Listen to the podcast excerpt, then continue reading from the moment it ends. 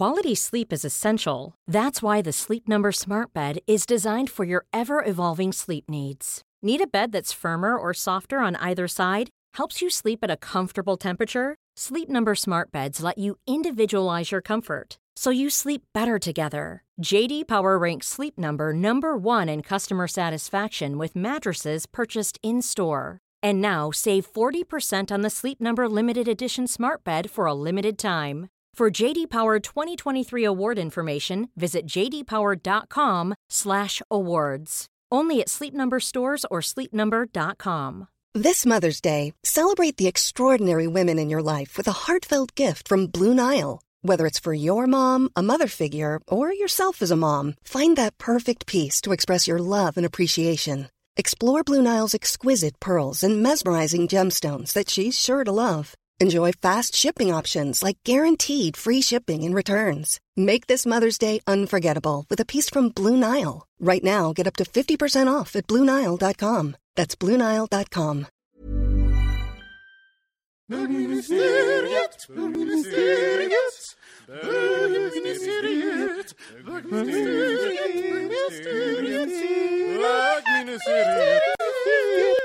Det kommer bli ett skitspännande segment i programmet. Väldigt spännande segment där man kommer få klippa lite. Vilken tur att Ja, men det är bra. Lite momentum. Eh, Men du, Anders, jag tänkte på en sak som du sa. och Det var att du inte såg dig själv som en, eh, som en politiker på grund av aktivismen. Och det känner jag igen mig så fruktansvärt mycket i. att Och jag har tänkt många gånger på att jag skulle ha så vansinnigt svårt med politiken. För att jag skulle ha svårt att förlika mig med andra väldigt avvikande åsikter inom samma parti. Om man säger så.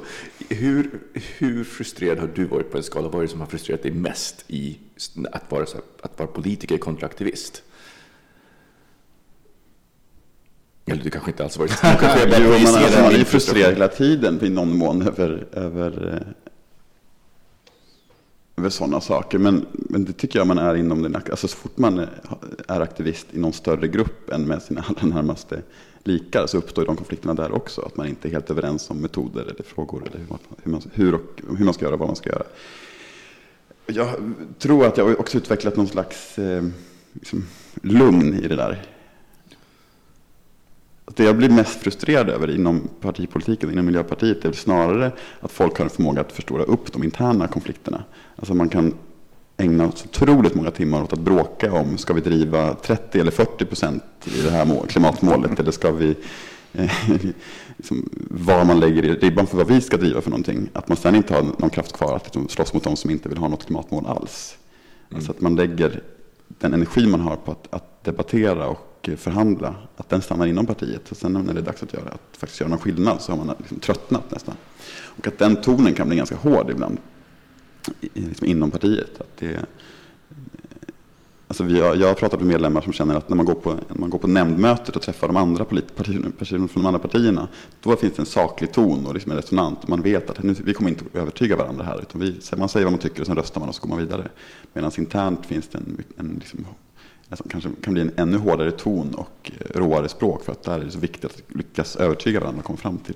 Men det låter ju ganska passionerat ändå tycker jag. Att det finns en passion Absolut. också. Att man verkligen vill någonting och är driven av något. Ja, men det är ofta Ja. så att det som är styrkan med en organisation blir också dess svaghet. Liksom. Mm. Att den passionen är ju vad som är politik och politiska organisationer. Att, man, att människor med starka åsikter samlas och försöker driva samhället framåt. Men det kan också gå över till att man lägger mer kraft på att motarbeta varandra internt än att, än att eh, Förutom vinna det här, eh, eh, partipolitiska, vi- vilka frågor brinner du mest för just nu? Alltså du själv, Anders Wallner. Det var så länge sedan jag reflekterade över den frågan. känner jag. jag är så himla van att svara på partiet. Vilka är partiets viktigaste frågor? vill vi veta vad Anders Nej, men jag, vet, tänker. precis- jag vet precis vad jag går igång på mest. Och det är pojkars skolresultat. Mhm. är den frågan som jag har snöat in på och eh, känner är eh, en jättestor utmaning för Sverige.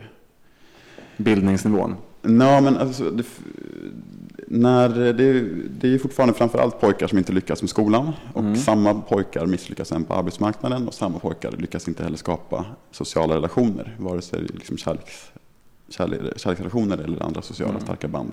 Nära vänner och så vidare. Och den gruppen är också den gruppen som sen blir lättast att rekrytera till extrema organisationer. Så att ju mer man låter pojkar misslyckas med skolan, desto mer spär det på rekryteringsgrunden för, för rasistiska organisationer eller för andra extrema organisationer.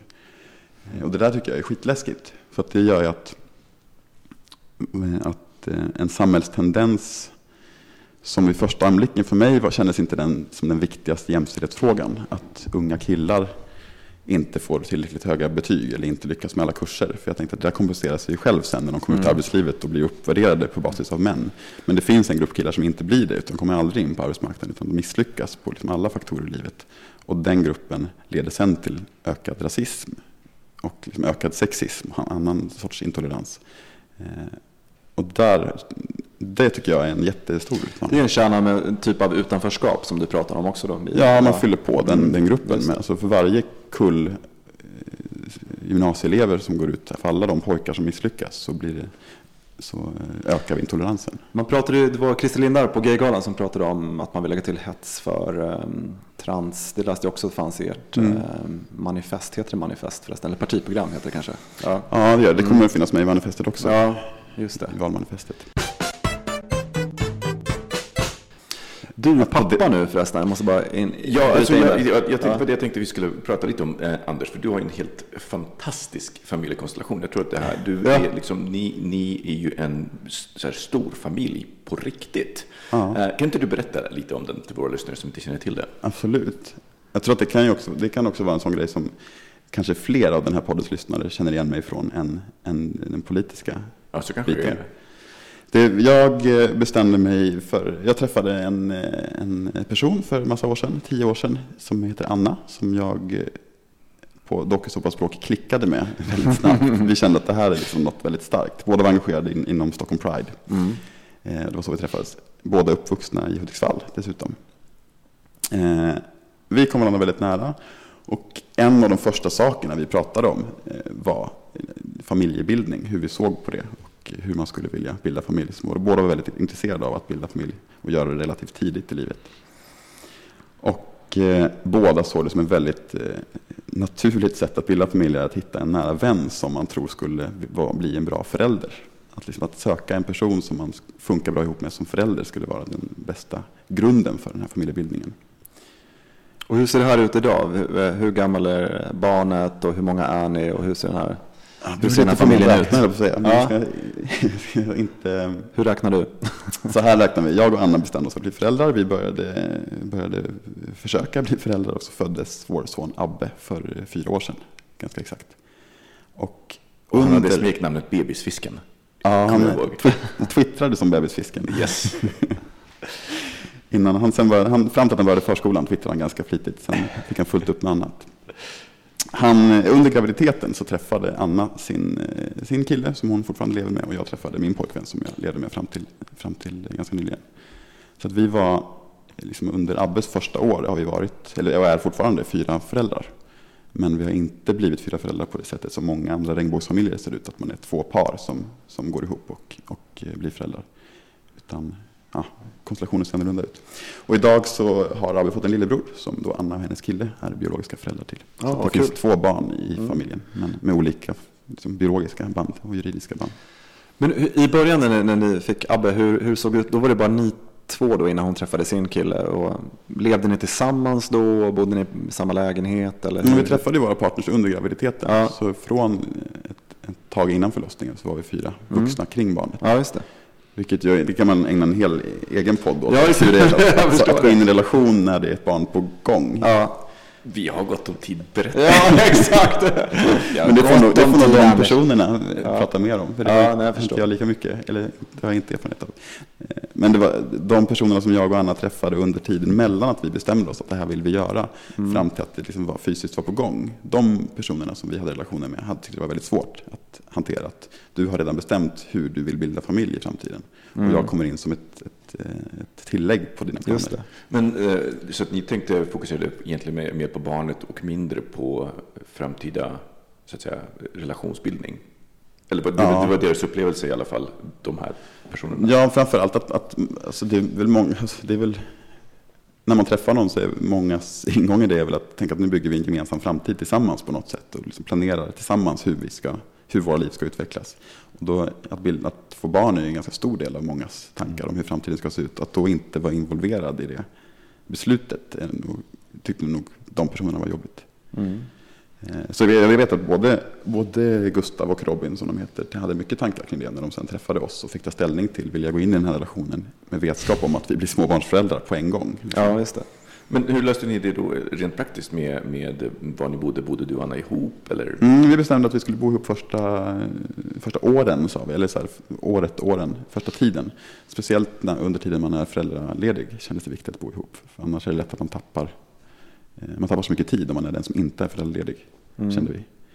Så vi, jag och Anna flyttade ihop. Eh, sen hängde ju våra partners väldigt mycket i den lägenheten av, av naturliga skäl. Så det var ju lite som att vi bodde ihop alla fyra. Mm. Ja, kul. Vad roligt. Och, hur, och sen hur... skaffade vi varsin lägenhet efter mm. det där första året drygt. Med i respektive par. Liksom. Och Abbe då, hur, hur kallade han er då för er förnamn? Eller sa han mamma, pappa, Robin Gustav? Eller? Han säger mamma och pappa. Till, eller säger pappa till alla tre papporna. Lite olika olika situationer. Han kan använda namnen också. Gud vad härligt. Och det där kände vi att det fick han lite bestämma själv hur han ville göra. Vi har liksom inte... Eh, Nej, jag, jag tänker, det, det, man kan göra det är kanske att man refererar till varandra då, som så här, jag tänker i ett heteropar så är det så typiskt, men ska pappa göra det här? Ja. Ska, så, eh, att, man, att man kan medvetet eller omedvetet styra ja. barns, eh, vad kallar det? men han säger pappa till, till alla tre. Ja. Han, han, när han får frågan om, om hur många föräldrar han har så brukar han svara att han har tre pappor och bara en mamma. Men det räcker. Gulligt. Men då till det juridiska och praktiska då, om man ska prata mm. om lite problem att, vara en, att skapa en regnbågsfamilj. Vad, eh, vad har du upplevt för någonting eh, med att skaffa Abbe tillsammans med din tjejkompis och sen vara homosexuell och leva med din kille och hon med sin kille? Alltså I början fanns det nästan inga problem alls i och med att vi var två föräldrar. Det är svårare om man är fyra som går in och ska bli föräldrar ihop. Mm. Då är det mycket klurigare juridiskt mm. att få det, få det att funka. För oss var det ganska lätt för att vi var två vuxna personer som var både vi var biologiska föräldrar och skulle vara juridiska föräldrar. Och då mm. följer det ju med varandra. Vi var mm. tvungna att göra en så här faderskapsutredning precis som alla andra som skaffar barn när man inte är gifta. Mm. Liksom. Ah, det okay. är ju konstigt i sig men det var inte unikt för oss för att vi inte var, inte var ett par. Vad innebär en sån? Det innebär att om man, alltså om, man är, om man som kvinna föder barn blir man automatiskt förälder till barnet man föder. Men, okay. men, och om man är gift så blir ens partner också automatisk förälder. Däremot om man inte är gift så görs det en liten utredning på, på stadsdelsförvaltningen om vem som är far till barnet. En sidofråga då, om ponera då att man är en, en så här queert straight par som är gifta men där man av någon anledning skulle skaffa barn på något annat sätt. Mm. Då blir det hela mycket komplicerat helt plötsligt, eller? Ja, då får man ju liksom anmäla det, att, det, att, att den här personen ska inte bli registrerad som, som mm. juridisk vårdnadshavare. Men det var inga problem för er eh, först? Men... Nej, det funkade ju bra. Sen, alltså det svåra är ju snarare för att komma att vara den som... Nu är jag lite i den sitsen i och med att Ludde, lillebror, är ju då, har ju juridiska band till Anna och Gustav, men inte till mig. Så att nu får jag uppleva lite... en skilsmässofamilj helt enkelt. ja, det är ju lätt. Alltså, alltså, så länge det bara var så här, två par som har liksom en vårdnadshavare i respektive par. Då var det väldigt lätt att förklara. Det är som, precis som ett, ett föräldrapar som har skilt sig. Mm. Men nu har jag fått uppleva hur det är att vara den som inte är juridisk vårdnadshavare. Och det är ju tråkigare på många sätt. Att man mm. inte får, jag får inte ta ut föräldraledighet. Jag får liksom inte, på det sättet har jag inga... Och, och om det skulle vara så att jag och Anna och Gustav skulle ha en djup konflikt så har ju de, jag har inga rättigheter att hävda gentemot barnet. Alltså jag har ingen, ingen juridisk rätt att få ha För det måste bli extra, extra konstigt med tanke på just att Abbe då dessutom, att där har du rätt. Och mm. han är ju dessutom bror till Ludde. Mm. Vilket blir... Uh, det, det, känns som lagstiftningen inte kommer hinna, hinna ikapp det här på ett, på ett bra tag. Nej, och det är kanske din första fråga där om den viktigaste HBT-frågan. För mig personligen är ju det här är ju liksom också en av de tyngsta frågorna. Hur familjelagstiftningen skulle kunna mm. utvecklas så att, man slipper, folk slipper hamna i så knöliga situationer. Eh, och framförallt skyddar, om man ska använda KD-argumentet, skydda barnen mm. i, de, i de relationerna. Mm. Att jag blir så himla provocerad när det används som ett argument mot de, här, alltså de förslag vi driver för att, att ändra familjelagstiftningen. För det är precis det det handlar om. Att de barn som föds i familjer som ser annorlunda ut ska ha samma juridiska skydd till de vuxna som de växer upp med. att, att det är ju provocerande att, att Abbe och Ludde inte har juridisk rätt till de föräldrar som inte råkar vara biologiskt inblandade i att de blev till. Så, nu ska vi ta en paus, fylla på på kaffe och ta en liten kaka. Ja, det tycker jag. Eh, eh, Anders har ju tagit det här vidare, den som, eh, som eh, Rickard påbörjade i förra avsnittet. Jag ringde faktiskt Rickard idag, i, i och för sig ett annat ärende, men jag kollade också om han hade några tips. inför- Så vi har ju fått en äh, jättegoda kanelbullar och Johan är ju så huslig så han har ju dukat upp fika här redan innan. Så att det här är, känns lite som ett kafferep. Exakt. Vilket är väldigt härligt tycker jag.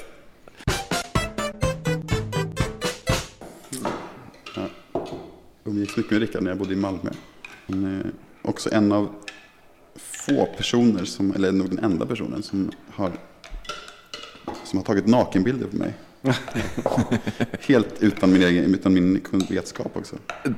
Vänta nu, det här är ett scope. Du menar att en av våra förra gäster har smygfotat dig naken? Nej, tvärtom. Han, han eh, tog bilder på mig och Anna. Som, vi tog bilder, jag kommer inte ihåg vilket ändamål det var, men vi skulle ta bilder i lite olika situationer, typ i folkdräkt och lite allt möjligt. Jag kommer inte, jag, som sagt, jag inte ihåg syftet med detta. Men vi liksom kom till Rickard och skulle ta olika sorts bilder. Eh, han är en jätteduktig fotograf för övrigt. Och så, han regisserade den här tillställningen och sa vilken slags bild vi skulle ta. Och en bild han verkligen ville ha var så här, Anna i folkdräkt och du Anders, du ska liksom se, det ska se ut som att du är naken. Eh, men, men, jag, men jag klipper ju bilden liksom här uppe så man kommer inte se någonting. Som jag litade på. Så vi tog de där bilderna. De blev, jätte, de blev jätteroliga. Här, eh, men när vi fick liksom CDn med alla bilder på så var det uppenbart att han hade inte klippt någonstans ovanför. Oj då, så du menar att det potentiellt så kan det komma en så här eh, löpsedel? Han sitter, han sitter på löpsedelspotential. Löpsedelspotential. Det är därför jag försöker hålla mig väl med honom. Miljöpartiets partisekreterare är i alla bilder. Så har du aldrig sett honom förr. Men, Och hela Grindr bara, jo. men partisekreterare, som partisekreterare är man ändå ganska förskonad från, från eh, den typen. Medial bevakning tänker du på? Ja, eller? Är det Ja, det skulle jag nog säga. Relativt. Det, man är ju inte alls på samma sätt en, liksom en, en medial person. Men- Särskilt inte i Miljöpartiet när vi liksom har två språkrör som ska bevakas. Ja, precis. Och så många I, personer. i, parti- I partier som har en ordförande finns det ju plats för att man, liksom, att man lyfter fram någon till person. Medan för oss är det väldigt mycket fokus på språkrören. Men, men Och det är skönt, tycker jag. Jag har verkligen ingenting emot att vara offentlig person på olika sätt. Men, men det är jätteskönt att inte ha den där granskningen på sig. Som jag upplever att an, andra i politiken har. Men det tänkte jag på. Hur, för du är ju en offentlig person och du har gjort resan från att liksom vara en, en, en vanlig i massan till att bli en ganska offentlig person. Och dessutom som bög och med hela, liksom hela den kult, våra kultur som vi har just med Grindr till exempel och så. Har, har det förändrat hur du beter dig?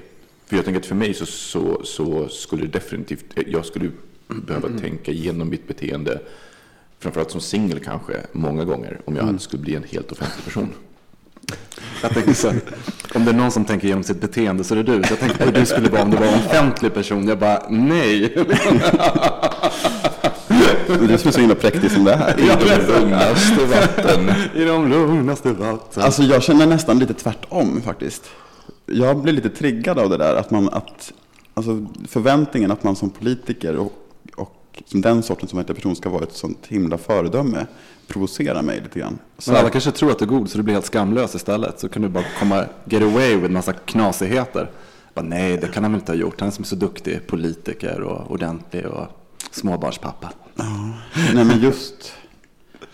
Men jag har tänkt på den de senaste dagarna. För att, för att det, jag tror att jag har reagerat snarare med att jag ska, liksom, jag ska aldrig tulla på min rätt att få liksom, uttrycka mig i min subkultur. På ett sätt som jag skulle, på just det sätt som jag skulle gjort om jag inte var offentlig person. Det blir ännu viktigare för mig att, att uh, uttrycka just därför.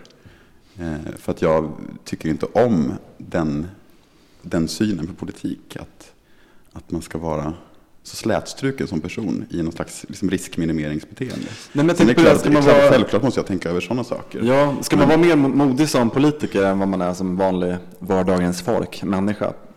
Egentligen. Det är- Jag tycker bara att det är viktigt att folk känner igen sig i politiker. Alltså, så att man inte blir som jag var. Att jag såg partipolitik som något otroligt tråkigt och som en väldigt begränsad del av befolkningen höll på med. Och att de ser ungefär likadana ut och lever ganska tråkiga liv. var liksom min bild när jag var ung och såg på politiker. Och det betyder så himla mycket när, när, när andra sorters människor får fronta politiken och öppnar upp för att folk får tänka att ja, men jag, det, betyder att jag också skulle kunna engagera mig politiskt. Ja, ibland finns det, man läser tidningar, det är ett högt krav på många politiker att, eh, och, och oftast tycker jag att det blir väldigt futtigt. Det handlar om tv-licenser och mm. vidare man har haft svartstädning någon gång eller något liknande. Mm. Men, men, men, någonstans så känner jag att för att till exempel med Sochi, alla de här olika eh, grejerna som pågår nu, då vill man ju ha en politiker som eh, vågar vara klar och tydlig och ta konflikten och stå för någonting. Och, mm vara lite smutsig om händerna på något sätt. Och det känns som att folk blir bara mer och mer rädda och kryper tillbaka och ger ganska platta mm. svar. Eh, säger man vad tycker du om Sochi? Ja, vi håller på att diskutera det nu. Vad ska vi göra? Ja, det, vi har en delegation som, mm. och det kommer en utredning. Mm. men ibland skulle man vilja ha det här personliga svaret. Mm. Liksom. Mm. Det är de jävlar anamma. Det är de politikerna som, som gör det som blir de som folk, folk tycker om mest också. Ja, det Säkert också, ja. de som, som provocerar bort människor, men också de som mm. väcker ja, känslor. Jag, jag, jag, tycker det känns som att det läggs mer journalistiska resurser i Sverige på att granska politikers privatmoral än att granska vad olika politiska förslag förslag ska, faktiskt skulle leda till eller leder till. Och det, ja, här, och det är det jag tänker också, exakt den. Mm. Ja, och det, men det, det är liksom, resultat av massa olika saker. Men det är klart att har man väldigt begränsade resurser på redaktion så är det mycket lättare att gå igenom taxikvitton än att liksom lägga månader på att gräva fram jag, jag kan, case som jag, kan med, av. jag skulle faktiskt mycket hellre se fler politiker som så här står ja, men det fulla på Kolingsborg, som man träffar full på Kolingsborg en, en lördag morgon och mm. där, där, man har roligt Eh, och man ser att de här är, är, är, tillgängliga. Men jag tror också att det är lätt att bli hemmablind. För min kille som är amerikan, han, eh, av någon anledning så springer, har vi sprungit in i Anton Abele, eh, eller Abele, typ fyra gånger när han har varit här. Och han är här bara på helgerna så det är extremt sällsynt. Men och sist så var det på McDonalds så jag pekade ut, det var, just det, han var, var Sveriges yngsta riksdagsledamot. Han bara, men går de ut i publikt sådär? För att i mm. USA så händer det ju inte. Vi har ju en sån otrolig, vi har än så länge en otrolig tillgänglighet mm. bland våra politiker. Men hur är det för dig? Har du någonsin varit hotad på grund av din offentliga ställning? Nej, det kan jag inte påstå. Det, Alltså det är klart att det finns Flashback-trådar om mig också. Och det är liksom den sortens liksom minidrev. Att folk driver teser om mig som de, som de hittar på eller tror sig. Fast piska upp någon slags eh, stämning. Men jag har aldrig fått ett eh, hot kopplat Har du fått snuskmail? I wish. Nej, jag, har aldrig, jag har aldrig känt mig hotad och på, sättet, på basis av min, av min politiska eh, plattform, något jag har gjort. Men läser du Flashback-trådarna? Ja, jag har läst min Flashback-tråd. Men någon, vi vill ha någon liten juicy, oavsett men, men det, det, är det, det, är som, det som alltid pratas om på Flashback. Det är så här insinuationer om att man är pedofil eller knarkare. Jaha, vad tråkigt. Gäsp. Gäsp. Men, men, jag, jag, jag, tänker, jag, jag, jag, nu tror jag faktiskt inte att jag har någon Eller prostituerad. Liksom, ja, precis. Men jag tycker att jag jag har ju för inte haft någon riktig Flashback-tråd eh, om jag blivit omnämnd någon gång. Så här på, på Flashback, men jag är inte tillräckligt offentlig för att ha det. Men jag tänker att jag skulle nog aldrig våga titta för att det skulle vara lite grann som så digitalt skära sig själv. digitalt skära sig själv. ja, men eh, just äh, läsa alla de här påhitten som de skriver om. Men jag tycker det är ganska modigt av det. Det är nog det modigaste. Jag... Men för mig det handlar mycket om att jag vill, jag vill veta vad det är inte så mycket att jag vill veta, men jag, jag, vill veta, jag vill veta vad andra läser om mig. Det är liksom viktigt för mig. Jag vill ha en bild av eh, vad andra får för bild av en. Jag är lite mer intresserad, nyfiken av på, på familje, familjebildning. För det är så att Abbe vill ha fler syskon, men vill du ha fler barn? Ja, det tror jag att jag vill. Sladdis? Ja, inte just nu. Alltså just nu är det så här, i och med att jag nu lever jag inte längre i en relation, vilket gör att de helger jag har båda barnen får jag testa på det här med singelföräldersituationen. Och att ha två barn med liksom en fyraåring och en, en nio månaders blir lite, blir lite intensivt. Och då är tankarna på att ha en till just nu känns ganska avlägset, men definitivt så småningom. Men, och då är du nyfiken, skulle, om på, på, på att du ska träffa en ny partner och och han skulle, han skulle tycka att det är så här viktigt att ni skulle på något sätt skaffa barn ihop. Mm. Eh, skulle, är, är, du öppen för liksom hur som helst skaffa barn eller är det viktigt att det finns en anknytning till, till den familjebildning som ni redan har på, påbörjat någonstans? Mm. Nej, det är, nog, det är nog inte så viktigt för mig. Jag upplevde att det var viktigt för mig. Biologi, att vara biologisk förälder var viktigt för mig innan jag, hade var, innan jag var det. Liksom. Mm. det vi, vi ställdes inför det i och med att under tiden vi försökte bli gravida så träffade vi Anna Gustav. Och det kom ju upp någon gång att så här, slarvar ni så kan det liksom bli barn med en annan genetisk uppsättning än vad vi hade tänkt oss. Och jag minns att jag då tyckte att det var lite jobbigt. Alltså att, att, att ställa sig inför faktum att det, att, det, att det skulle bli familjebildning istället mm. kändes konstigt. För jag ville bli biologisk förälder. Av någon anledning var det viktigt för mig. Nu är jag ju det och då känns, är det inte alls lika... Det skulle inte vara viktigt nästa gång. Att, eh, eller vad? Men för det är inte så att, var det viktigt på grund av egentligen biologin eller, igen, eller på grund av att för jag tänker om de är som ett par och har barn ihop, då blir din, skulle din roll blivit mer perifer. Mm. Eh, så var det jobbigt på grund av det eller var det jobbigt på grund av liksom biologin? För jag kan, jag kan förstå det, för jag har ju också själv tänkt tanken att om jag vill ha barn så skulle jag nog föredra biologiska barn. Och det är jätteknäppt. Mm. Det, är egentligen, alltså, det finns ingen logik i det. Men jag tänker, hur tänkte du där? Var det perifera rollen eller var det biologin? Nej, ska jag vara ärlig var det nog biologin. Och det har inte jag heller någon liksom, logisk förklaring till. Liksom, utifrån en, en eh, alltså som, som feminist som verkligen alltid har drivit tesen om, om hur lite biologi betyder för, för eh, eh hur lite betydelse biologi, biologi ska ha, så hade jag en längtan efter att bli biologisk förälder. Så det var framförallt det som, som jag tänkte på i den situationen när det utmanades som öppnades ett fönster att det inte skulle bli så. Jo, det var väl därför också du gjorde det med din tjejkompis. Det var inte så att det var med din första kille eller med någon mm. annan kille, någon annan bögpolare som du kom överens om att ni skulle skaffa ett barn tillsammans. Mm. Det är väl också en sån. Man, det kan man ju säkert analysera på olika sätt. Men det, för mig var det mest en det är så himla häftigt att man kan göra barn, tycker jag. Mm. Man, eller hur det liksom funkar. Att man, att man eh, tar liksom delar från två personer och så kommer en ny person. Mm. Och förstås också skithäftigt att se att, eh, att Abbe är ganska lik mig. Mm. Det är ju roligt, men rent, liksom, ansikts, rent utseendemässigt. Men hur, hur, är reaktionerna med, med, folk som kanske inte känner till om, om ni går ut allihopa och sen så någon som frågar har, har det hänt och vad är reaktionerna när ni försöker då förklara den här? På hur vi hänger ihop. ja, hur hänger ihop. Ja, jag tycker det var roligast sist när vi var iväg. Vi åkte kryssning över julhelgen. Så här, för Abbe, var väldigt, Abbe har sett den här stora båten i hamnen när man har åkt förbi och ville verkligen åka båt. Så då åkte vi på en sån här kryssning eh, och var med i en sån här familjetävling. Där vi märkte att de andra familjerna sneglade lite, lite irriterat på oss, att vi var så många i vårt lag. Alltså, vi får ganska få reaktioner. På, det är mest i intervjusituationer egentligen som folk sitter ner och frågar saker. Alltså, vi har varit med i några tillfällen när vi blivit intervjuade om vår familjekonstellation. Mm. Och då ställer folk mycket frågor, annars är det inte så mycket frågor. Däremot upptäckte, alltså vi, vi har träffat en annan familj som, som, då, som såg likadan ut som våran. Att det var liksom, tre pappor, och en mamma och, och parkonstellationerna såg likadana ut. Och det var väldigt skönt upptäckte vi. Alltså, vi hade inte reflekterat över det förrän vi träffade dem. Och så här, käkade lunch ihop. Och att ha en, någon, någon att spe, en familj att spegla sig i var otroligt mm. skönt för oss. Och kunna bolla, liksom, eller prata om saker som är väldigt specifika för den här konstellationen. Alltså det, egentligen, det går en större skiljelinje mellan typ föräldrar som har någon slags eh, ambition att leva jämställt.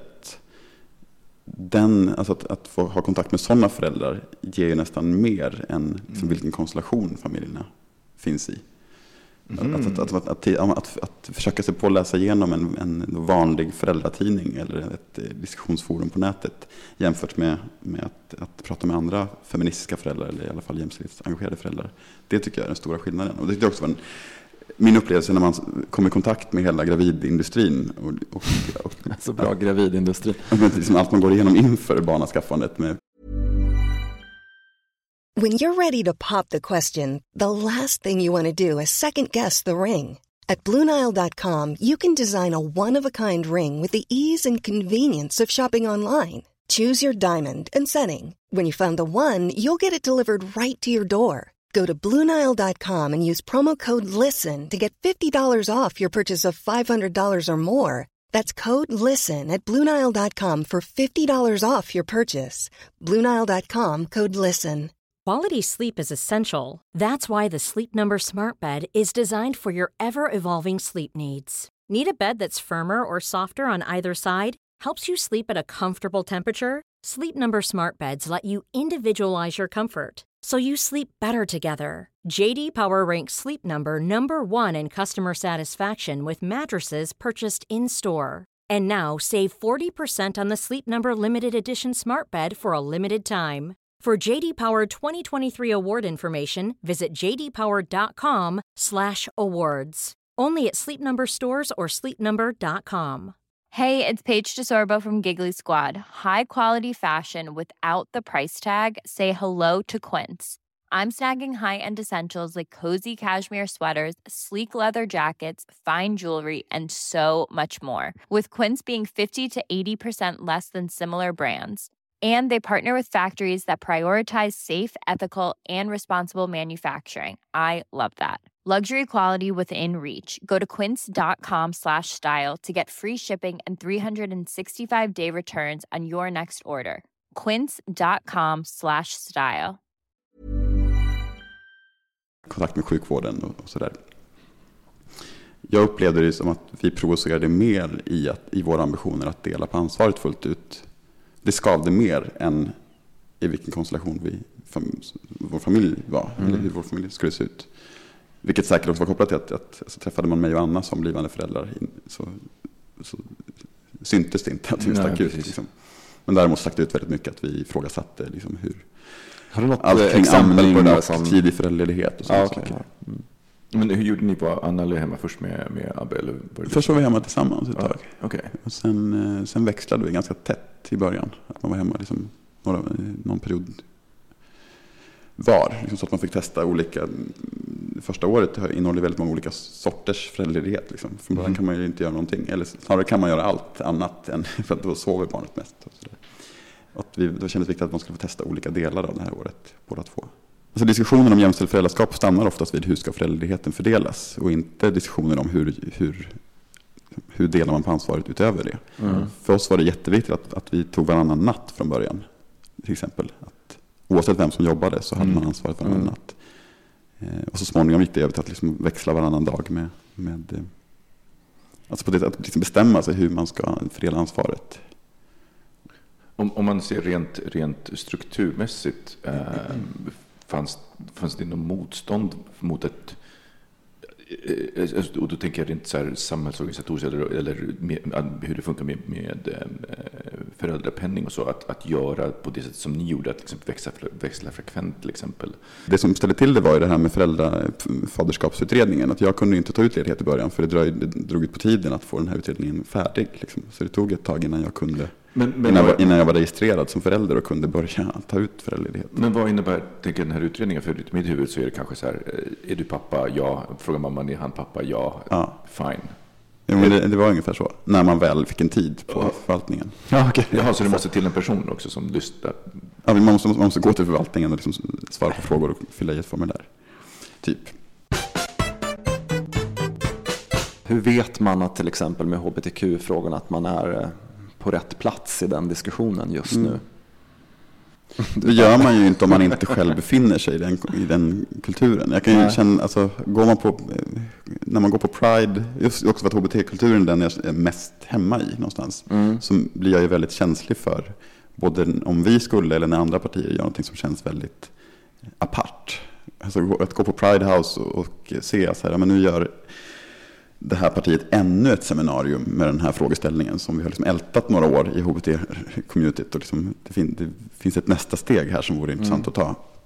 Jag tycker Fredrik Federley sa det jättebra i någon debatt jag såg om varför alltså behövs det HBT-politiker just, eller kan, liksom, kan eh, heterosexuella och cispersoner driva HBTQ-frågorna lika bra? Och svaret på den frågan är ju självklart ja, det kan de ju göra. Alltså det finns ju flera liksom jättedrivna cispersoner och heteros som driver HBTQ-frågorna skitbra och har lyckats med jättestora reformer. Eh, Men om man inte har liksom den kulturella kompetensen eller liksom har erfarenheten så missar man ju ofta just de känselspröten över vad, hur utvecklas rörelsen, varför var det här viktigt? Man missar att, man, inte har Ja, för det är det jag tänker på, just den här förankringen, för att den är ändå väldigt viktig. Jag kan, det kanske är ett väldigt tvär, tvärtkast, men om man tänker på Fadime och så här hederskulturen till exempel. Jag menar, vem har drivit den frågan vidare sen i riksdagen? Det kändes som att det bara liksom flöt ut lite grann och så har vi en minnesdag och sen börjar man komma på shit, vi hade ju mycket som vi ska... Men, men för att kunna driva sådana frågor som en eldsjäl och passionerad, det, då måste man ju på något sätt ha foten i, i kulturen, kunskapen och bakgrunden på något sätt. Men det är därför representationsfrågor är viktigt. Alltså vilka som finns i politiken, vilka som känns sig välkomna och som, som också som eh, Alltså jag hade ju sån himla tur att jag, min, första politiska strid som femåring lyckades. Liksom. Och gör man några sådana grejer, att man ser någonting man inte gillar, försöker förändra det. Alltså kom på tanken att försöka förändra det och lyckas så är det förstås en, ett trappsteg framåt till att engagera sig politiskt på olika sätt. Eller, eh, oavsett om det är i, i partierna eller någon annanstans. Medan gör man den ansatsen och misslyckas och får motgångar, det är klart att det sänker möjligheterna för att man, att man hittar ett, ett, ett politiskt engagemang. Men det är därför jag tänker också på politiskt engagemang och ideologi. Därför att jag är lite grann som en så projektmänniska. Jag jobbar ju på det sättet. Hela mitt arbetsliv ser ut så också. Men om jag skulle komma på till exempel att jag vill föra en viss typ av, av kamp och ge mig in i poli politiken. Då skulle jag liksom vara, ja när jag var färdig med det projektet liksom, och drivit igenom de här frågorna. Då skulle jag tycka att jag var klar. Vad, vad, vad, vad är det som driver en att fortsätta vara politiker? Ja, jättebra fråga. Det där skulle, ibland önskar man att fler skulle liksom känna så ibland. Att, Ibland får man frågor så här att någon, någon hör av sig, någon miljöpartist hör av sig och säger att Nej, men nu, jag känner inte igen mig i mitt parti längre, nu vill jag gå ur. För att nu tycker ni fel i någon fråga eller ni har gjort någonting som jag inte gillade. Eh, Och det är ju tråkigt, alltså, det är alltid tråkigt att någon känner att man inte hör hemma längre i ett parti och vill aktivt gå ur. Det är ju beklagligt för den personen, men samtidigt är det ganska naturligt att, att en rörelse att både attrahera människor och stöter ifrån sig människor i takt med att man utvecklas. Någonstans. Jag ser det ganska odramatiskt att, att folk känner att nu är min tid inom partipolitiken slut för den här gången i alla fall. Nu kan jag lägga min tid på någonting annat en period. Och att avdramatisera det, för idag är det så väldigt mycket att man ska gå in i politiken som väldigt ung och sen blir man kvar. Och liksom klättra vidare och så finns det en Precis. utstakad bana för att man ska någonstans. Och att, att liksom lämna i så kallad förtid innan man nått fram till de här hög, högsta uppdragen, att det ses som någon slags misslyckande.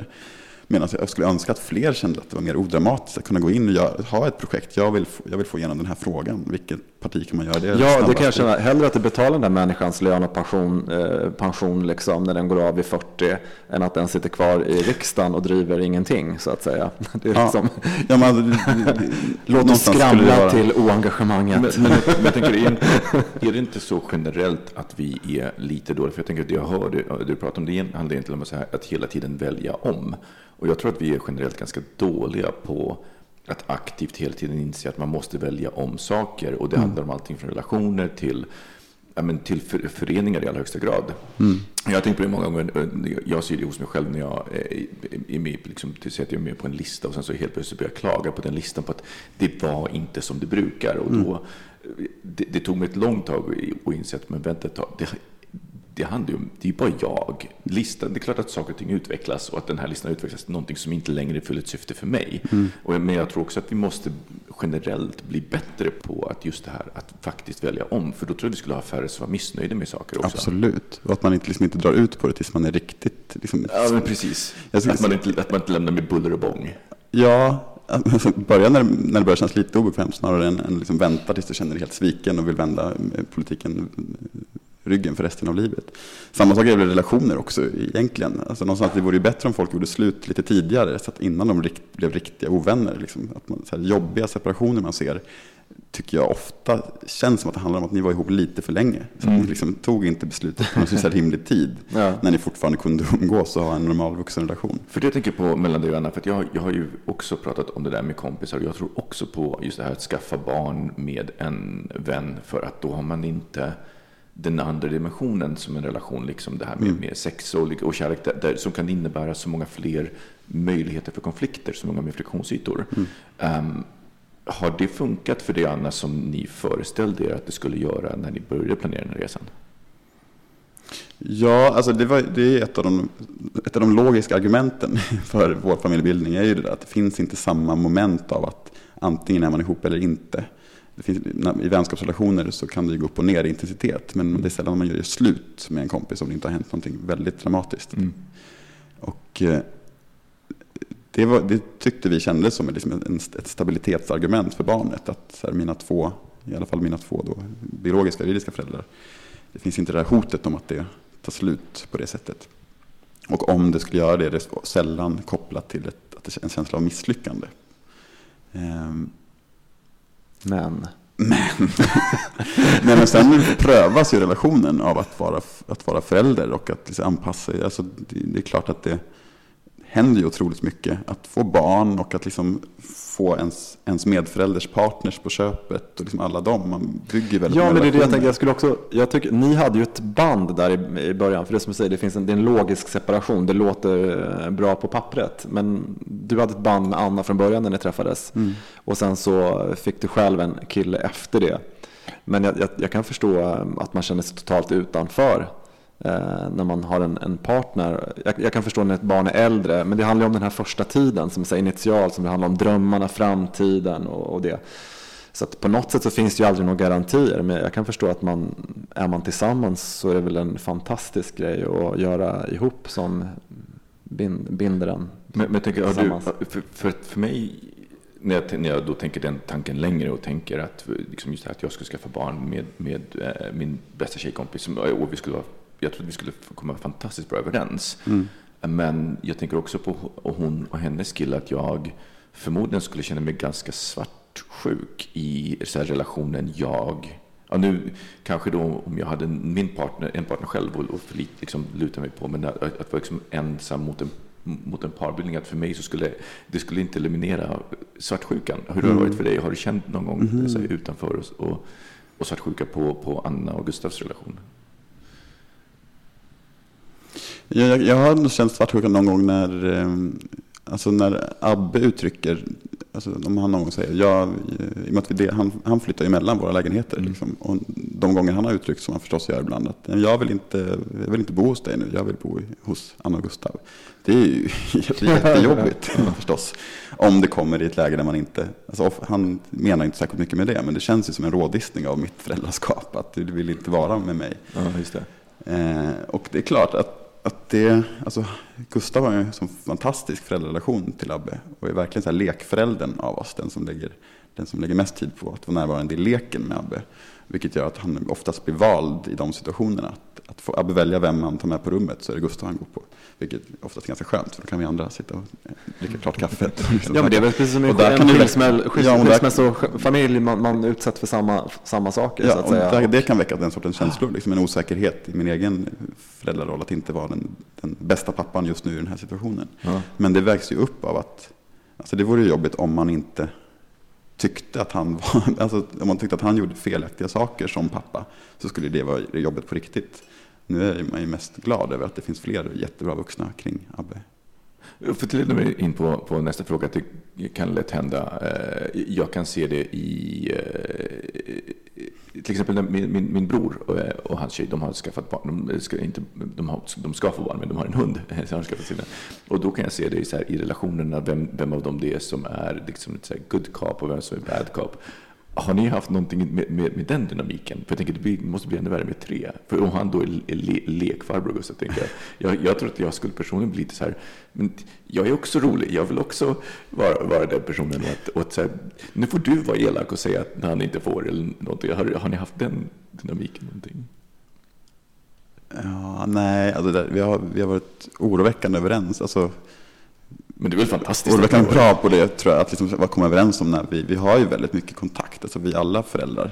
Vi, har liksom en, en, vi ses varje söndag och går igenom de kommande veckorna liksom, och eh, större saker som händer. Hur ska vi göra med kalaset? Hur ska vi göra med semestern? Hur gör vi med jul? Men det är ju fantastiskt. Kan inte du berätta? Kan inte du ge ett par tips? Om det är några av våra lyssnare som funderar på det här. Vad, vad ska man tänka på just när det gäller den typen av alltså, organisation? Alltså, främsta tipset är väl egentligen att, att alltså har man, lever man i olika hushåll och barnet flyttar emellan så är det väldigt lätt att också kunna ha olika regler i olika hushåll. För, barn förstår det. Liksom att jag får göra vissa saker här men som jag inte får göra på det andra stället. Det är liksom inte, det är, för, det är inte förvirrande att, att vänja sig olika regelsystem för barn. Däremot om man, om man har ett regelsystem och bryter mot det blir det förvirrande. Har vi sagt att men hos mig så, så, så måste du ta undan tallriken efter maten och så börjar man strunta i det mm. så blir det konstigt. Liksom. Eh, men det är inte konstigt att ha olika regler i olika hushåll. Och det eliminerar det mesta. Då behöver man inte ha gemensamma uppförandekoder för precis allt. Mm. Eh, men de större sakerna är klart att man måste prata om och, och komma överens om. Och det är därför det är så viktigt att hitta en person som man, en eller flera personer som man delar föräldravärderingar med. Mm. När man pratar om vår konstellation och fördelar och nackdelar så kommer man, efter ett tag hittar man oftast någon nackdel som man, kan, som man kan diskutera med en journalist eller med någon. Och sen efter ett tag så märker man att ja, fast det här händer ju också i andra familjekonstellationer. Ja, och så är det lätt att plocka isär. Man ska vara perfekt bara för att man gör det här som ligger utanför normen. För att jag tycker mycket av det du beskriver är ju som sagt en helt vanlig eh, familj där man har separerat, någonting händer och hur man hanterar det. Eh, som, mm. väldigt, som, som många lever i idag hur som helst. Det är det som jag tycker är lite spännande med att, man väljer aktivt de här relationerna istället. Och, jo, och månar om dem. Den håller jag absolut med om. Jag tror att jag snarare dekonstruerar min bild. Uh, för det, det, det, eh, jag har ju redan fått göra så här, omvärdera min bild av uh, hur det skulle vara att skaffa barn tillsammans med sin bästa kompis. Jag inser ju nu liksom att, att den här avskalandet av friktionen som då det sexuella och liksom där skulle innebära att det inte alls är så en sån fördel som man kanske målar upp det som. Mm. För att det inte, för om jag förstår det rätt så liksom inträffar det på andra plan ändå friktion och, och så i relationen. Så jag tror att det mer handlar för mig om att den eh, dekonstruera den, den bilden och försöka bli vän med den nya bilden. Mm. Ja. Som du har introducerat nu, Anders. Alltid kul att kunna mm. hjälpa till. Barn och, barn och bögar och ja, herregud, livet. Är det någonting som du hade förväntat dig att vi skulle fråga som inte vi har frågat? Förutom mer snusk. Ja, men det var, det var den stora besvikelsen. Jag hade liksom försökt ladda med någon slags sexskämt och sådär. Så att jag själv skulle kunna vara delaktig i den jargongen. Du ser till att Robin, det lite, Robin Bus ringer dig. Och... Ja, det är en jättebra ingång med att, så här, att, att få en adress på sms och att det sitter ett par bögar och väntar på det där. Det hade jag tänkt väva in där i början som en, en, en, hur kunde en vi missa, Robin. Hur kunde vi missa den? Så det var ju skönt att jag slapp dra det i Nej, jag, jo, jag tänkte, jag funderar faktiskt, ni brukar fråga i början, så här, beskriv dig själv för de som inte vet vem du är. Men jag är nyfiken på om du skulle få frågan, hur, hur beskriver du dig själv? Det jag hade tänkt då var, för de flesta brukar säga någonting om att eh, något, referera till någonting som folk kanske har hört om en. Och då tänkte jag just att, att dels beskriva min roll som partisekreterare kan ju vara intressant att prata om politik. Men de två sakerna som jag tror att flest känner igen mitt namn ifrån, om känner igen det, är nog snarare dels från familjebildningen, familjekonstellationen. Men också från eh, det rånet som jag var utsatt för. Det, det brukar vara ja, det, som, det, brukar vara det som folk liksom, Ja, det är han som har en, en, en stor familj, eller det var han som blev rånad och knivhuggen. Alltså, det har vi inte alls pratat om, för det, men, men hur, jag tänker, hur, hur lång tid tog det dig att komma igen efter det? För jag, jag bara föreställer mig att jag skulle, jag skulle bli så otrygg efter en sån händelse att det skulle ta mig lång tid. Mm. Ja, och jag hade jätterespekt för min egen reaktion, minns jag. Alltså efter att det här hände. För att jag mådde ganska bra ganska, ganska snart efteråt. Upplevde jag. Men jag hade någon slags tanke om att jag inte kan bedöma det själv. Hur pass bra jag mår eller hur lång tid det här kommer att ta. Och landade i att jag får ha respekt för att det här kan komma tillbaka. Eh, när som helst. Och, och, och eh, förändra saker i mitt beteende. Gjorde det det? Nej, det gjorde aldrig det. Eller fortfarande har det inte gjort det. Eh, och det är också så fantastiskt tycker jag hur ordnat det är med allting. För efter att det här hände så man får ju träffa en, liksom en person att prata med på, på sjukhuset och ha några träffar och gå igenom saker. Och hon sa någonting i stil med att tänk igenom vilka beteendeförändringar som du tycker skulle kännas okej okay att göra efter det som har hänt. Och vilka förändringar som inte skulle kännas okej. Okay, så att du har någonting att utgå från när du märker att det händer saker. Och det var jättevärdefullt. För då landade jag någonstans i att ja, men det, det skulle vara okej okay för mig att inte ta lika stora risker när man ska åka hem sent på natten. Eh, att liksom inte att inte åka hem själv mitt i natten när man har varit någonstans är liksom ett, ett, en förändring av mitt beteende som jag tycker känns okej att göra. Att mm. Om man är i en okänd stad så skulle det kännas okej att liksom inte ta tunnelbanan eh, utan att ta en taxi. Alltså den sorten, det, det har jag inga problem med. Däremot att börja nalla på, på andra beteenden, alltså att inte lita på människor. Eller att liksom inte Men, det, men det här, jag, jag kommer inte ihåg så mycket för det, det var ett tag sedan. Jag kommer ihåg, eh, jag kommer ihåg att jag läste om det, jag kommer ihåg att jag smsade det också mm. när det hände. Men jag kommer inte ihåg nu, var det en tillfällighet det här eller liksom var det just dig de, eller var det att du bara att du hade otur att du hamnade mm, Jag hade jätteotur. Ja. Jag gick, var på väg hem från en, en 30-årsfest. Ja. Och åkte tunnelbanan från, mm. från Alby. Och eh, det väntade ett par killar där som liksom bara stod och väntade på någon som skulle gå förbi. Liksom, ja, som, som, skulle vara ensam. Ja. Eh, så det var inte kopplat till vem jag är som person. Eller liksom så. Och då faller vi också i kategorin av de som faktiskt blir mest utsatta för våldsbrott. Det är mm. oftast mm. en, en, ensam ung man helt enkelt. Det är den stora kategorin för dem som också. Och just att man blir attackerad där av ett gäng killar. Men, Men vad spännande då, det du berättade om att du inte att det gick ganska lätt för dig ändå att, att ta dig igenom eh, tiden efter. Att, ja, att inte blev, eh, man, man, kan ju råka ut för väldigt mycket. Sånt där kan ju trigga igång saker man inte visste om sig själv. Och ja. Man kan bli jättenervös och vågar inte gå ut och kanske bli deprimerad. Och, ja, det finns ju många varianter. Absolut, men jag minns att man hade några så ganska irrationella saker som dök upp i huvudet. Att, för det här var ju precis, jag var föreslagen som partisekreterare. Det var, för det var innan jag var vald. Mm. Men jag hade precis blivit presenterad som valberedningens förslag till partisekreterare. Och sen några veckor efteråt så hände det här. Mm. Eh, vilket gjorde att, alltså hade det inte det skett så hade jag ju inte varit offentlig person alls. Mm. Upplever jag. Liksom, men, men, för att det hände just då så blev det medialt jätteintressant. Så att det var löpsedlar och det mm. var den sortens pådrag. Och det jag minns att en av tankarna som fanns i huvudet var så här, det, är, det är kongress om några veckor. Liksom. Tänk mm. om de väljer mig nu för att de tycker synd om mig. Det var en sån tanke som dök upp. Alltså, ingen kommer ju våga rösta på någon annan för att de så här, Den där stackars tjaten, vi får göra honom till partisekreterare nu. Eller så här, antingen, antingen det eller, eller att så här, folk kommer tro att jag blir vald för att Alltså den här rädslan, och det är kopplat till att man får en identitet som brottsoffer helt plötsligt. Mm. Som var jätteobekvämt. Att, just, att det fortfarande dyker upp att folk Ja, just det, det var du som... Men tror du att det påverkade dig? För jag tänker, det, det kan ju påverka i lika stor utsträckning som själva händelsen. Det vill säga att man då börjar regissera sig åt andra hållet. Är du med? Att man liksom försöker, försöker mota den här, den här rollen så mycket just för att man inte vill, eh, man vill undvika den konsekvensen. Ja. Säkert. Den enda gången som jag någonsin har varit liksom så riktig eh, livsfara och då, var, då, då höll jag på att drunkna. Men just det här att jag insåg hur stark djurisk drift man har när det kommer till överlevnad. Mm. Liksom just det här att det fanns liksom ingen, ingen logisk tanke, jag var bara passagerare i mitt eget huvud. Jag, jag, jag kan spela upp hela händelsen efteråt och jag, mm. jag har liksom minnen av det. Men, men just där och då så fanns det liksom ingen som helst rim och reson i mig. Mm. Utan det var liksom bara överlevnad allting annat var bleknade och instruktören som jag dök med jag försökte stoppa in munstycket i, i munnen och försökte hålla mig ner på botten. Och jag drog upp oss bägge två och han, mm. han lät regulatorn friflöda vid min mun och, och jag bara hade jag, ingen tanke. Det fanns liksom inte i mitt huvud att jag kunde ta den regulatorn för att börja andas utan jag skulle upp till ytan. Mm. Um, och, och, det fick mig, gav mig en extrem respekt för att jag inte alls kan, är så rationell eh, som liksom, i, i sådana lägen. Utan jag, liksom, när, när rationaliteten försvinner så, så, så, finns det, så är jag bara ett djur. Mm. Um, hur var det för dig att ställa sig inför en sån situation?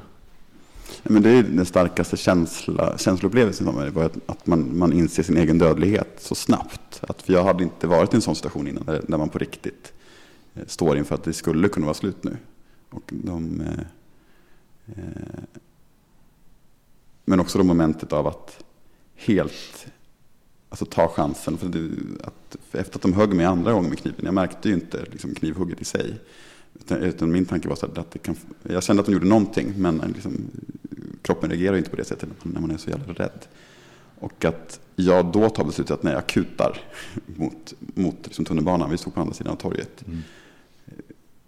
Vilket är, så här, det är två killar som båda verkar bli liksom mer vältränade än vad jag är. Eller mer, liksom, de borde kunna springa ifatt mig båda två. Och att ändå ta chansen att, att springa. Och mm. bara ge järnet för att det här är den chansen jag har på att komma härifrån. Det är den sortens adrenalin. Och liksom, Hittade man dem här sen? Nej, det var inte. Nej. Men jag vet att det var flera personer som var, det var liksom en period där man exakt likadana rån gjordes i det området. Så det var Mm. flera personer inblandade. Men det var, eh, de fick inte tag på dem. Mm. Mm. Och sen, vet, sen minns jag att, för det var, ju- det var då de här farhågorna som kom efteråt. Att en annan grej var så här, ja, jag, jag kunde liksom form, själv formulera Flashback-trådarna återigen. Det här är ju min största Flashback-tråd, så här, eh, rånet i Alby. Eh, och jag visste ju exakt vad som skulle stå i den där tråden. Att den mångkulturälskande miljöpartisten åker ut på besök till förorten och får, får vad han förtjänar ungefär. Undrar vad han tycker nu. Om de här, alltså, vad bra att han fick en verklighetsuppfattning. Och den här känslan av så här, dubbelbestraffning. Att antingen är politiker aldrig i förorten så att de ser inte hur det egentligen är. Mm. Eh, och eh, för oss som faktiskt har vänner i förorten och, och här, hänger i de, de miljöerna. Eh, eller gjorde det i perioder i alla fall. Den, eh, då, då, är det liksom, då får man vad man förtjänar ändå. Det fanns Mm. liksom ett, ett resonemang i de här kommentarerna som var så hatiska mot, Mm. mot mig som bärare av ett politiskt budskap. Och att liksom det där tyckte jag var så jävla obehagligt. Att bli ett potentiellt argument i någons, eh, någons främlingsfientliga agenda. Liksom. Mm. Men jag tänker att där kommer vi tillbaka till det du pratade om, den viktigaste frågan. För jag tror att i min värld så är de som hänger på Flashback och de som röstar på SD eh, till mångt och mycket just de här personerna som är utanför som, liksom, som, som lever på något sätt genom att titta, att, att titta på andra och Mm. externaliserar hela, hela det här. Hitta syndabockar Ja, men för precis, var, inte, varför är. exakt, exakt. Och allting, allting leds, allting är bara ett bevis på ens egen världsbild. Och så att, så att liksom, vare sig du, du blir nedslagen eller vare sig du inte är, liksom, Ja. det, det, handlar bara om att förstärka den världsbilden. Ehm, Och det är det som är så läskigt med att den rekryteringsgruppen då växer. Och det, finns ju an, alltså det är inte bara skolstaten, det handlar också om ökande klyftor och liksom andra sådana Mhm. faktorer som man vet spär på den sortens syndabocksletande hos vissa grupper. Som ju är skitläskigt. eh, Och för att komma tillbaka till din första fråga om opinionsläget, alltså vilket parti som blir tredje störst är ju den största drivkraften för, för Miljöpartiet just nu. Är ju det en, en kamp på riktigt, för att det finns så mycket kopplat till att vara tredje största parti i Sverige. Man styr dagordningen på ett sätt som, som eh, dels liksom formellt genom att bli andre vice talman och den sortens liksom uppdrag som formellt går till tredje största partiet. Att vi skulle kunna i september i Sverige ha en sverigedemokrat som andre vice talman. Som då är ett uppdrag som finns till för att representera Sverige internationellt, ta emot statsbesök och liksom vara en röst för den svenska demokratin. Eh, Men också informellt, att man är det partiet. Alltså i en, alltså det är ändå så att många upplever S och M som att de, de eh, ligger närmare varandra än tidigare. Att den Mm. politiska konflikten känns inte lika skarp mellan de två partierna som, som det traditionellt har gjort. ja. Och då blir ju efterfrågan på ett väldigt idéburet parti som, som, eh, som nästa parti, alltså då blir det väldigt viktigt för den politiska dagordningen. Vilket av oss partier som blir tredje största nästa mandatperiod kommer att sätta press på vilken fråga som måste upp på dagordningen och diskuteras mer. Är det Mm. liksom problemet med invandringen som SD driver som sin problemformulering? Mm. Eller är det problemet med, en, en, eh, med hållbarhetsfrågorna? Att vi måste ställa om till ett mer hållbart sätt att, att använda våra resurser? Är det liksom däremellan som, som är det, är det, vilken av de frågorna ska de andra partierna pressas på nästa mandatperiod? Vilken, fin, vilken bra sammanfattning och bra pitch för Miljöpartiet, tänker jag. Man får ändå ta chansen. Ja, men Ja, såklart. exakt. Ja, verkligen. Tycker jag. Um, hörni, jag tror att vi måste sätta punkt, för det här kommer bli Ja. eh, jobbigt att klippa sen också. Vi har fantastiskt mycket material. Anders, tack. Ja, tack så mycket. Det har varit jättehäftigt att få lyssna på det här. Det är så kul att få, tänker jag, få lyssna på ett samtal med någon som man känner och ändå få ställa de här frågorna och Mm. utforska från ett annat perspektiv. Så tack! Tack så mycket själva. Kul att just ni var här. Detsamma. Och eh, som alltid, eh, gilla oss på Facebook, eh, rate oss på iTunes. Eh, och eh, Anders, om ni vill eh, ha tag i honom så kan ni följa honom på Twitter på Andvall med W. Absolut. Exakt. Toppen! Mm. Hörs nästa vecka. Hej då!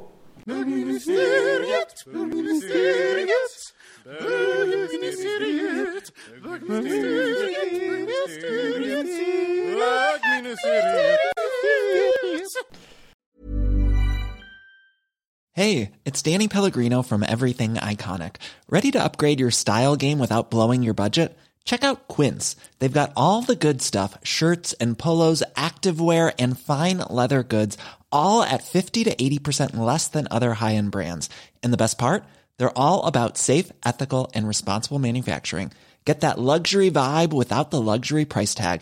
Hit up quince.com slash upgrade for free shipping and 365 day returns on your next order. That's quince.com slash upgrade.